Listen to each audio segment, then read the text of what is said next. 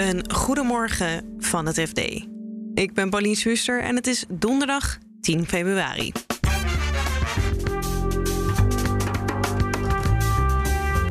Bedrijven die vastzitten in een CAO staan op de huidige krappe arbeidsmarkt op een achterstand. Het ministerie van VWS en Breathomix, het bedrijf achter de corona-blaastest, staan morgen voor de rechter.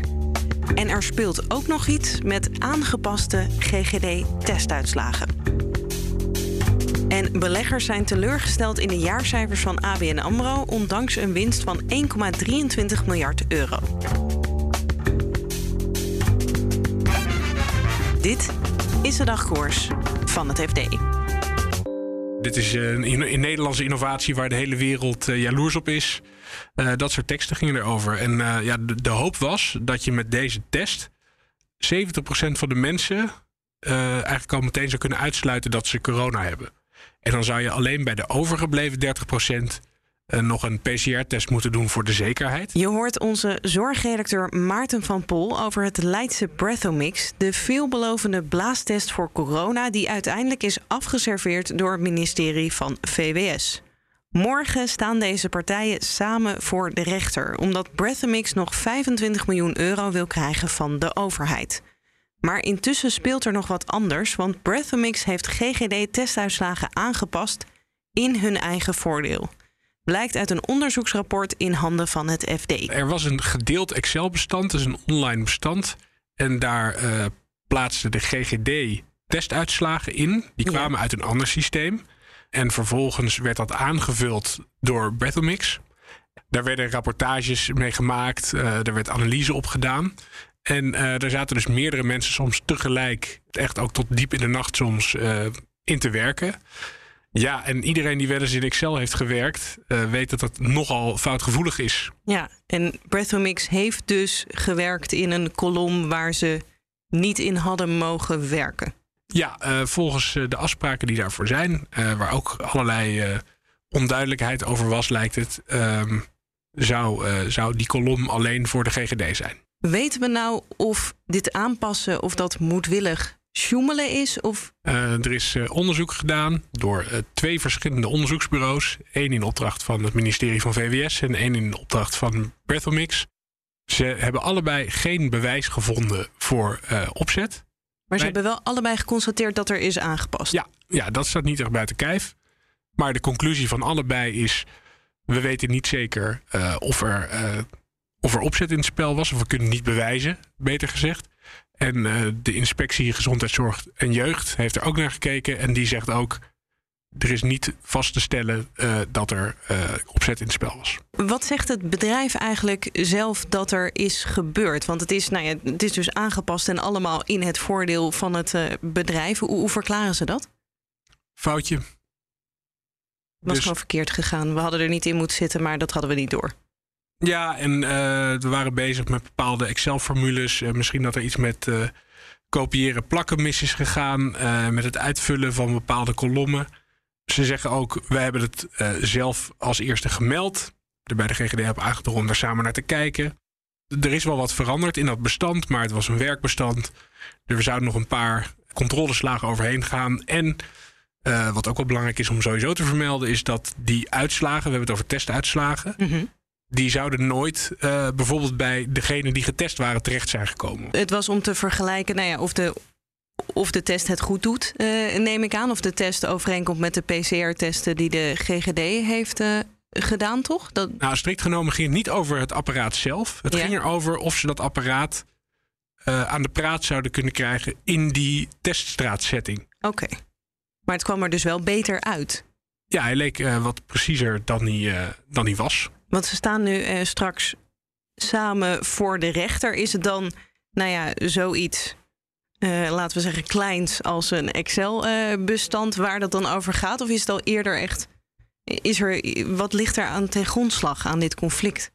Derde keer dat ze het bij de GGD gingen uitproberen, uh, ja, is die proef uiteindelijk gestaakt. En ehm, een paar maanden later heeft VWS het contract verscheurd. Ze hadden 1800 van die apparaten besteld. Eh, die hebben ze niet allemaal betaald. En uh, daar hebben ze een aantal redenen voor opgegeven waarom ze dat uh, contract verscheurden.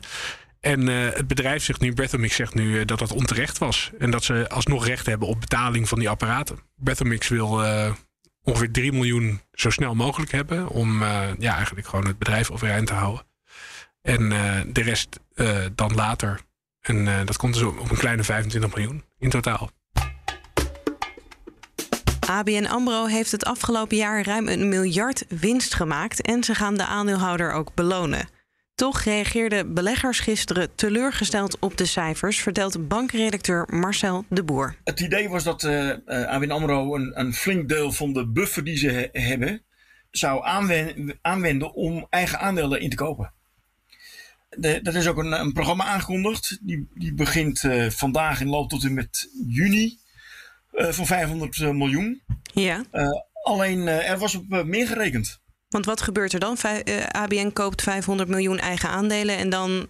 nou ja, dat betekent dat toekomstige winsten over minder aandelen hoeven worden verdeeld. Ja. en, dan, en dan profiteren van als belegger. Wat had de markt dan verwacht dat ze zouden doen? Want 500 miljoen klinkt op zich als een redelijk bedrag. De verwachtingen liepen flink uiteen, maar er waren analisten die hadden het over 3 miljard. Ja.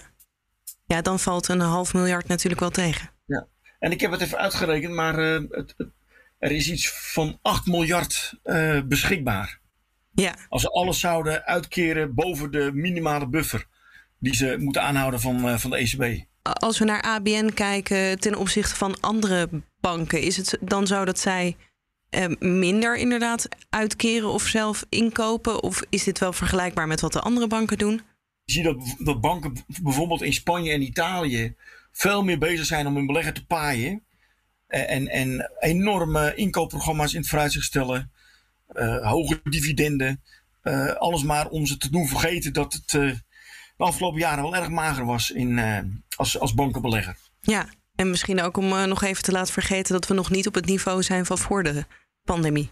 Er is natuurlijk wel de hoop dat nu de rente een beetje begint op te lopen, dat banken meer geld gaan verdienen. Ja. Omdat ze meer krediet kunnen verstrekken soms met een hogere rente. Dus ja, dat, dat zou gunstig zijn. helaas blijkt uit de vooruitzichten die ABN AMRO gaf dat de winsten maar heel beperkt zullen stijgen. Ja, en dat is dan ook slecht nieuws voor ons, de belastingbetaler. Want ja, we moeten natuurlijk niet vergeten dat ABN ook nog deels in staatshanden is. ja, 56% is nog, steeds in handen van, van de staat. Dat moet wel, wel minder worden. maar in welk tempo dat moet worden teruggeschroefd, is ook niet bekend. Ooit. Dat gaat ja, ja, in, in stapjes, dat is in ieder geval aangekondigd. Ja, maar wanneer het eerste stapje komt, dat weten we niet. Dat weten we niet. Nu heeft de overheid nog zeg maar, totale zeggenschap. En ik denk, denk, niet dat het goed is voor een bank die, die, ja, die moet toch gewoon kunnen ondernemen. Zonder. De overheid in, in zijn nek te hebben eigen. Werkgevers met een CAO worstelen met de krapte op de arbeidsmarkt, want bedrijven zonder kunnen met de geldbuidel rammelen om talent binnen te halen. Rick Winkel is onze arbeidsmarktredacteur. Iedereen zit een beetje om zich heen te kijken. En zit dan ook nog een keer te kijken naar het feit dat die prijzen de laatste maanden natuurlijk ongehoord snel oplopen. En uh, ja, als je dan uh, vastzit in een CAO, hè, en dat CAO dat is dan, nou ja, wat wordt er gemiddeld afgesproken in een CAO? Als je een beetje geluk hebt, dan zit dat tegen de, tegen de 3% aan. Uh, maar ja, dat ligt dan toch voor een jaar of twee jaar ligt dat vast.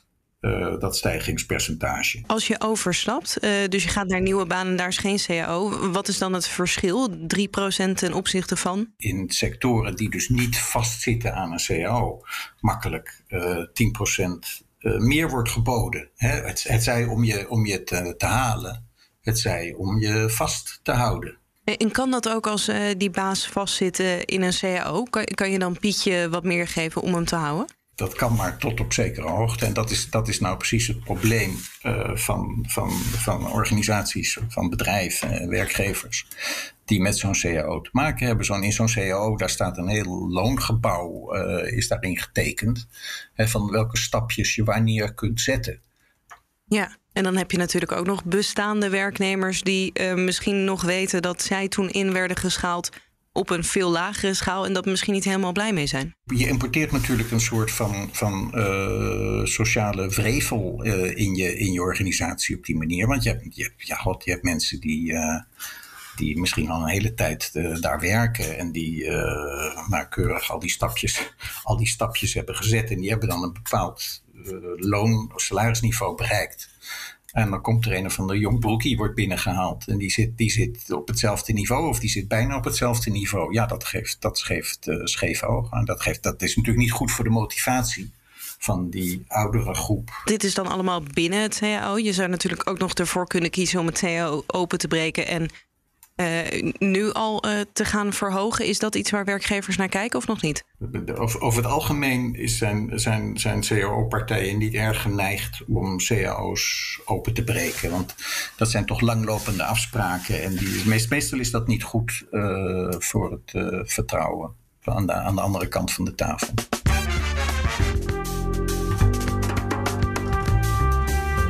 Dit was de dagkoers van het FD. Op fd.nl lees je meer over deze onderwerpen en volg je het financieel-economisch nieuws. En dagkoers volg je via je favoriete podcast-app. Zoek ons daar even op en klik op abonneren. Morgenochtend staan we weer voor je klaar. Een hele fijne dag en tot morgen.